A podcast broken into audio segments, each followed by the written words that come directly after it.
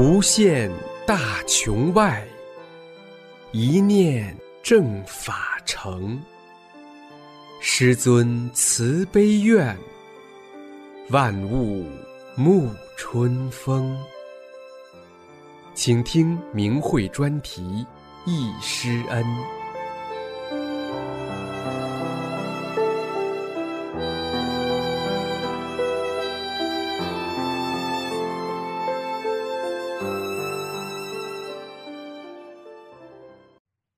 请听明慧交流文章，题目是《珍贵的回忆》，作者山东大法弟子。文章发表于明慧网，二零二一年三月十五日。新年之际，我与同修姐弟俩有缘相识，彼此一见如故。交流之中，自然回忆起得法初期那些美好的情景。姐弟俩怀着无比崇敬的心情。回忆起当年聆听师尊在济南和广州传法的幸福时刻，听着他们珍贵的回忆，我真是感慨万分，犹如身临其境，感受到了师尊的宏大慈悲。在此写出他们幸福难忘的回忆，与各位同修分享。以下是姐姐回忆聆听师尊在广州讲法。一，师尊早有安排。师尊在转法轮中说：“我觉得能够直接听到我传功讲法的人，我说真是，将来你会知道，你会觉得这段时间是非常可喜的。我有幸生长在大法红传的时代，能成为师尊的亲传弟子，真是天大的缘分，莫大的荣耀。”一九九四年十二月二十一日。我们全家人有幸聆听了师尊在国内最后一次传功传法。记得那年的一个冬日，弟弟兴致勃勃地问全家人：“谁去广州听师傅讲课？”这位师傅和一般气功师讲的可不一样，非同一般。当时全家人都积极响应，都表示要去。父母和弟弟一家人乘坐火车，提前两天去了广州。我和一位大姨延后两天启程，我俩准备乘飞机去。启程当天冰天雪地，我们冒着严寒，清晨五点赶到机场。出乎意料，飞机晚点。等到中午，播报飞机机械故障，正在检修。我们整整等了一天。傍晚时分，播报飞机仍然没有修好，需要继续等待。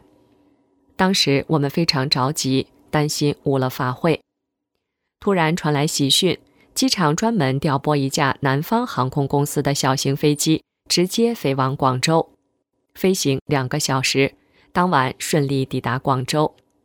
事后悟道，是慈悲的师尊一直在看护着弟子，一切师尊早有安排。二，在传法班上见证大法的神奇，到了广州。外地来的学员很多，仅我们家乡就来了一百多人，天南海北新老学员汇聚一堂。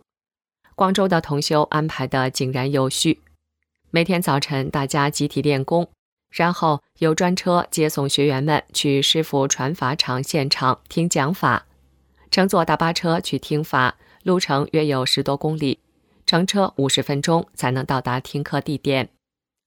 记得我进入课堂。第一次见到师尊时，觉得师尊是那么的年轻高大，是那么的慈祥亲切。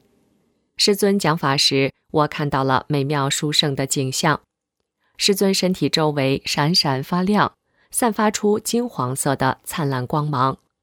顿时，我心中升起对师尊无比的敬意。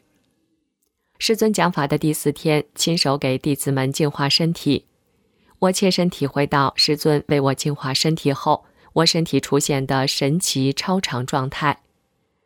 那天，我和父亲听完师傅讲法后，走出礼堂，心情格外舒畅。我们没有等专车，兴致勃勃地步行回旅馆。我和父亲都感到一身轻，走路轻飘飘的，感觉不是在走路，好像双腿飘了起来，就像有人拉着往前飞。十多公里的路程，一眨眼就到了，快得令人震惊。这是我有生以来第一次感到身轻如燕，走路生风。从此以后，我疾病全无，一身轻。在学习班结束的最后一天，我们怀着对师尊的感恩和无比幸福心情，久久的不愿意离开师尊，总想待在师尊身边，想多看师尊一眼。等师尊离开以后，我看到人人都泪流满面。有的还忍不住在出声哭泣。我们在乘坐大巴车回去的路上，车厢里一片哭声，那场面感人至深，永生难忘。我们老家的一位同修阿姨听了师傅的讲法后，在交流会上，阿姨流着眼泪，无比激动地说：“今天我可找到家了。”这句话也表达了我的心声。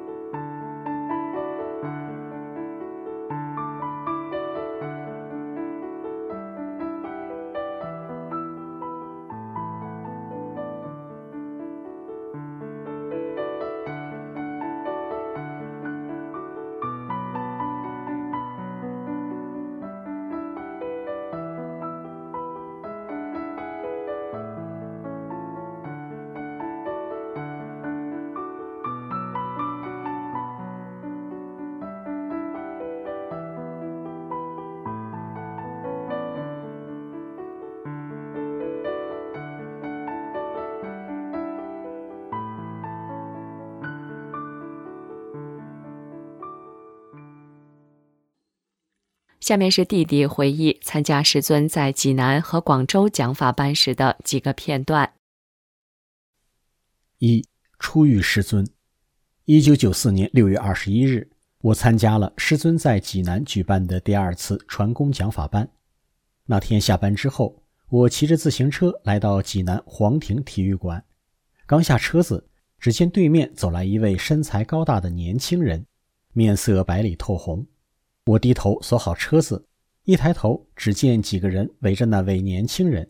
我心里猜测，这是师尊吗？当年我只有二十六岁，师尊已经四十三岁了，看上去却比我还年轻呢。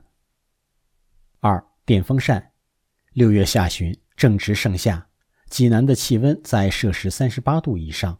济南是个大火炉，可谓名副其实。师尊讲法时。许多学员耐不住室内的高温，摇起了扇子。妻子坐在我旁边，拿着硬纸板不停地扇。不一会儿，就听师傅说：“扇扇子的，不妨把扇子放下。”随后，我感到一阵习习的凉风从身后吹过来。我对妻子说：“别扇了，你没感到有风吗？”这时，我无意间抬头，看到天花板上挂着一个黑白色的大吊扇，直径约有五六米。呼呼地转动着，我赶紧告诉妻子：“你不用扇了，咱这里有个电风扇。”妻子抬头看了看，纳闷地说：“在哪儿？哪有电风扇啊？”这时我一抬头，却看不到电风扇了。刚才我是用天目看到了另外空间的景象，是慈悲的师傅用佛法神通给学员们送来了清爽的凉风。三沐浴甘露，在第四堂课。师尊给弟子们调整身体，我按照师尊的要求闭上眼睛，顿时一股清泉似的甘露从头顶冲到脚下，我感到全身所有的细胞都通透了。大家一起跺一只脚，然后又跺另一只脚。师尊两次给弟子们净化身体。有一天，师傅讲法提到练功盘腿时，告诉大家原来盘不上，今天回去试一试。一提盘腿，我就犯愁。修炼以来，我双盘根本盘不上，腿疼咬牙可以坚持，可右腿就是搬不上去。听完师傅讲法之后，我一进家门就坐下想试试双盘，没想到很轻松的就搬上了右腿，我能双盘了，心里别提有多高兴了。我明白是师尊给我拿掉了腿上的业力，我从坚持十分钟到坚持二十分钟，很快就能到三十分钟，从此。我练静功就能双盘了。传法班结束后，我感到自己前二十六年白活了，一直就像在睡梦中，不知道人为什么活着，为了名和利，在常人中争争斗斗，活得又苦又累。师尊把我从梦中唤醒，给我指明回家的路。我知道了，人活在世上的真正的意义是修炼法轮大法，返本归真。我能跟着师尊回自己真正的家了。四珍贵的点滴。一九九四年十二月二十一日，我领着全家六口人去广州聆听师尊在国内最后一次传功讲法。临行之前，发生了一件神奇的事。我内地也想去广州听法，可人还未去，却突然不能吸烟了。一闻到烟味儿就恶心，他感到很奇怪，问我妻子：“姐姐，我还没练法轮功，怎么就不能吸烟了？”妻子高兴地说。你虽然还没有练功，可师傅已经在管你了。有一天晴空万里，听到许多学员讲，在旅馆二楼看到天空中有一个直径一百多米的大法轮，光芒万丈，佛光普照着整个广州市。在听法的礼堂，一些外地没有票的学员被安排在会场前台的空地上。一位坐在距离师尊很近的学员，目睹在给弟子们净化身体时。师尊的两只手变成了黑色了，然后他看到师尊回身，双手往下一葫芦，再回过身去，双手就恢复了原色。我悟到，慈悲的师尊用自己的身体替弟子们承受了身体上的业力，把弟子们身上的黑色物质拿掉了。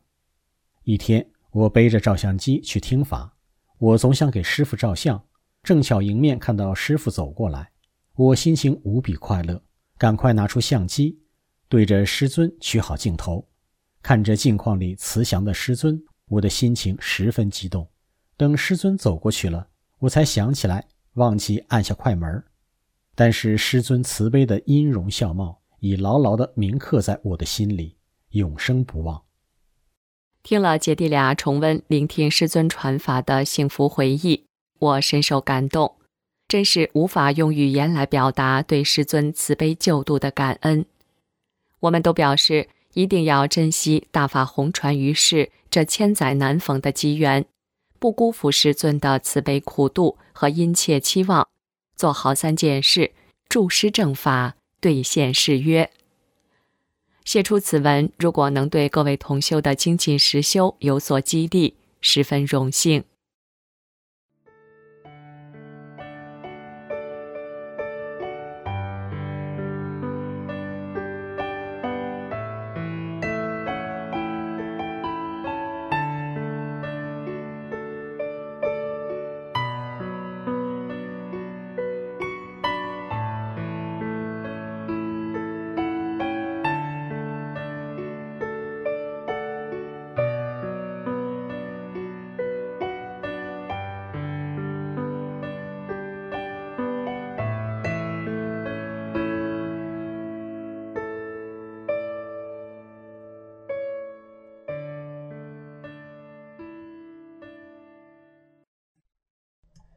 请听明慧忆师恩专题文章，题目是《忆参加师傅济南九天传法班》，作者中国大陆大法弟子。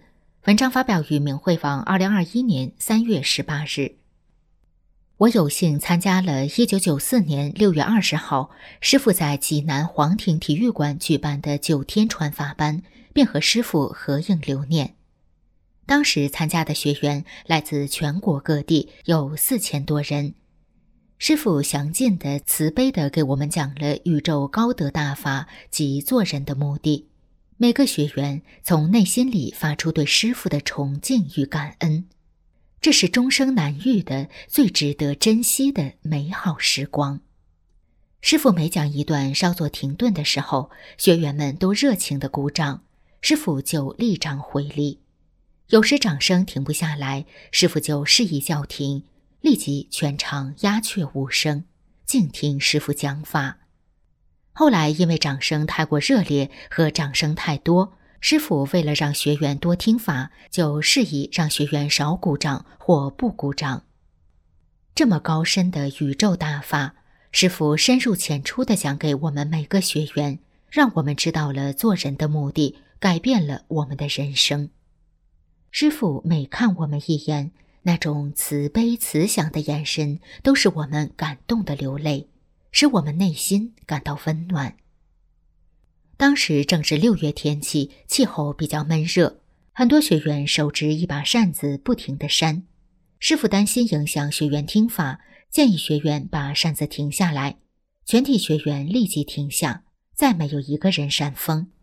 师傅笑道：“当你停下来那一刻。”一股凉风从你背后升起，再也不感到热了。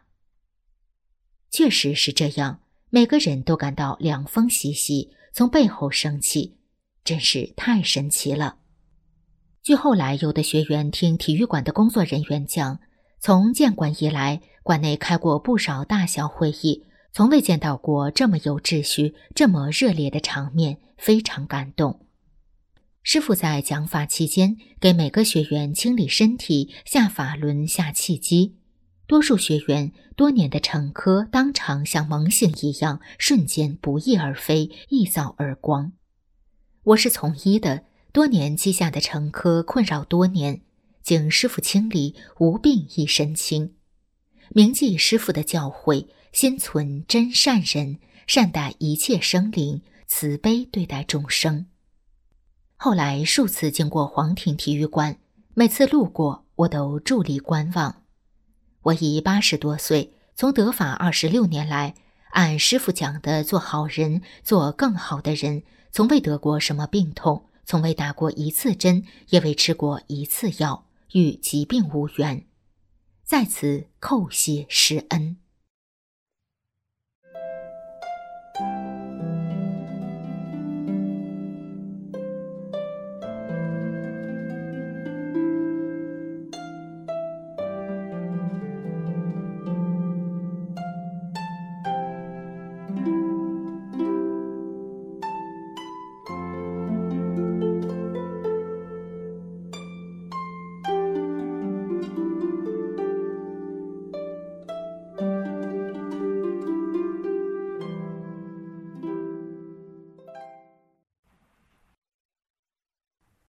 请听明慧易师恩专题文章，题目是《参加面授班的珍贵回忆》，作者北京大法弟子。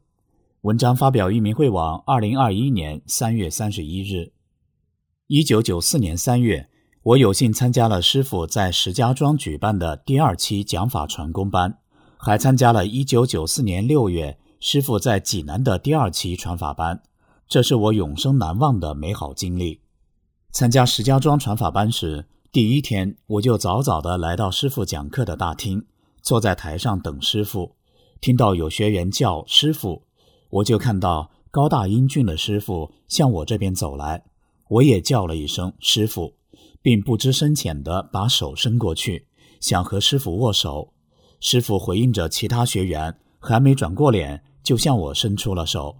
我赶紧握住师傅的手，师傅和蔼地看着我。师傅的手是那么的宽厚，那么的温暖，我内心有种无比荣幸的感觉。石家庄第二期传法班开始是在石家庄棉纺织衣厂俱乐部举办，没想到隔壁是歌舞厅，师傅讲法时有噪音干扰，负责的同修与对方协调无效后，从第三天开始，传法班改到棉纺织三厂俱乐部。俱乐部是在一条东西大路的北边，有自行车道和人行道。俱乐部在一个院子内，院前有个大门，东西各有一个小门。晚上开课前，学员都从西小门进去。从第四天开始，我和北京京西的一个学员天天在大门外西边的人行道上等着给师傅敬礼。师傅乘坐一辆切诺基，车子天天停在大门外西边的自行车道上。师傅下来后，我俩给师傅核实敬礼，师傅就向我俩招招手。我俩就目送师傅进入俱乐部，连续了几天，我们都这样在门口等师傅。那天，师傅让我们学员写参加传法班的心得体会，第二天交给师傅。第二天，我来到俱乐部门外，时间还早。那位学员问我：“你写心得体会了吗？”我赶紧回住的地方，匆匆地写了一页，然后往回赶。到了俱乐部门口东边，正好赶上师傅坐在车里。给北京京西的学员签字，当时我距离师傅坐的车大概五米左右，我锁上自行车走过去，师傅已经签完字，把书递给了那位学员，他一直守在师傅坐的车旁。我俩没看见师傅下车，师傅坐的车缓缓地开到大门西侧停住，我俩也慢慢跟了过去。我俩站在车后的人行道上，准备等待师傅下车，向师傅敬礼。等了大概有十分钟，开课的时间快到了。还没看到师傅下来，这时司机下来了，我俩就问司机：“师傅呢？”司机说：“师傅早就进大厅了。”我俩很纳闷，没看见师傅下车啊。我俩就绕车转了一圈，一看师傅确实没在车上。快到师傅讲法的时间了，我俩赶紧进了俱乐部。进入俱乐部不一会儿，师傅就走上讲台坐下，我们旁边坐着的是四个北京学员。其中一个年轻的女学员进来后，看见师傅已经坐在讲桌前了，吃惊地问同来的学员：“师傅什么时候进来的？我在西小门外等了很长时间，没看到师傅进来呀。”我一听也赶紧搭话说：“我俩是跟着师傅车过来的，等了有十分钟都没看到师傅什么时候下的车，更没看见师傅进大院。”那个女学员说：“我也几乎天天在小门外等师傅，每天都能看到师傅。”今天没看到师傅什么时候进来，我想师傅肯定是运用神通了。因为我喜欢气功，受假气功的影响，认为发气能治病。一九九零年左右，我正上高中，我校的一个老师有骨结核，省级医院让他截肢。由于家庭原因，这个手术没有做，但是大胯一直很疼，坐下后起不来。这个老师让我给他治治，我并不知道后果。我就给他发气治病，几次以后，他感觉好点了，但是时间不长，我的大腿胯轴处一到阴天下雨就酸痛难忍，我只能依靠消耗体力来解决疼痛，比如拼命的踢足球，踢到筋疲力尽才能缓解一点。参加师傅石家庄传法班回来后，有一天正在下雨，我去食堂打饭，正在排队时，突然发现我的腿今天没疼呀。我回忆了一下，最近好像腿一直没疼。我一下明白了，师傅在传法班上把我的腿给治好了。在济南传法班上，一天在师傅讲法中途休息的时候，师傅从讲台上下来，有的学员请师傅签字，有的学员问师傅一些问题。当师傅走进我们这边的时候，我赶紧拿出了一本大法书，想请师傅签字。当我把大法书递向师傅的时候，师傅看了我一眼，说：“你不是签过字了吗？”我不好意思地把手收了回来。当时并没有想很多。后来我仔细思考这件事情，上次签字是三个月前了。这么多学员，师傅怎么记得我签过字呢？我当时非常震惊。师傅的这些神迹一直在点悟着我。我父亲得了脑血栓，手连拿个改锥都拿不住。他参加了师傅的济南第二期传法班，在传法班上，他就把抽了几十年的烟戒了。从济南回来，他就无病一身轻的上班去了。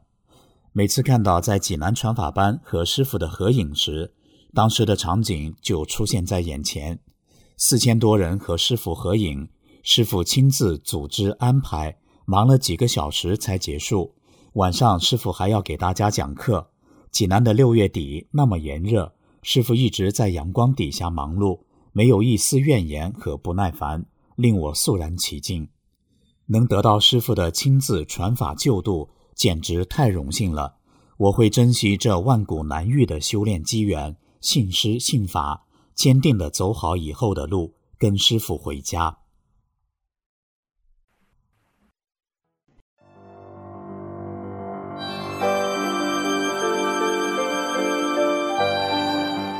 这一期的易师恩就到这里，谢谢收听。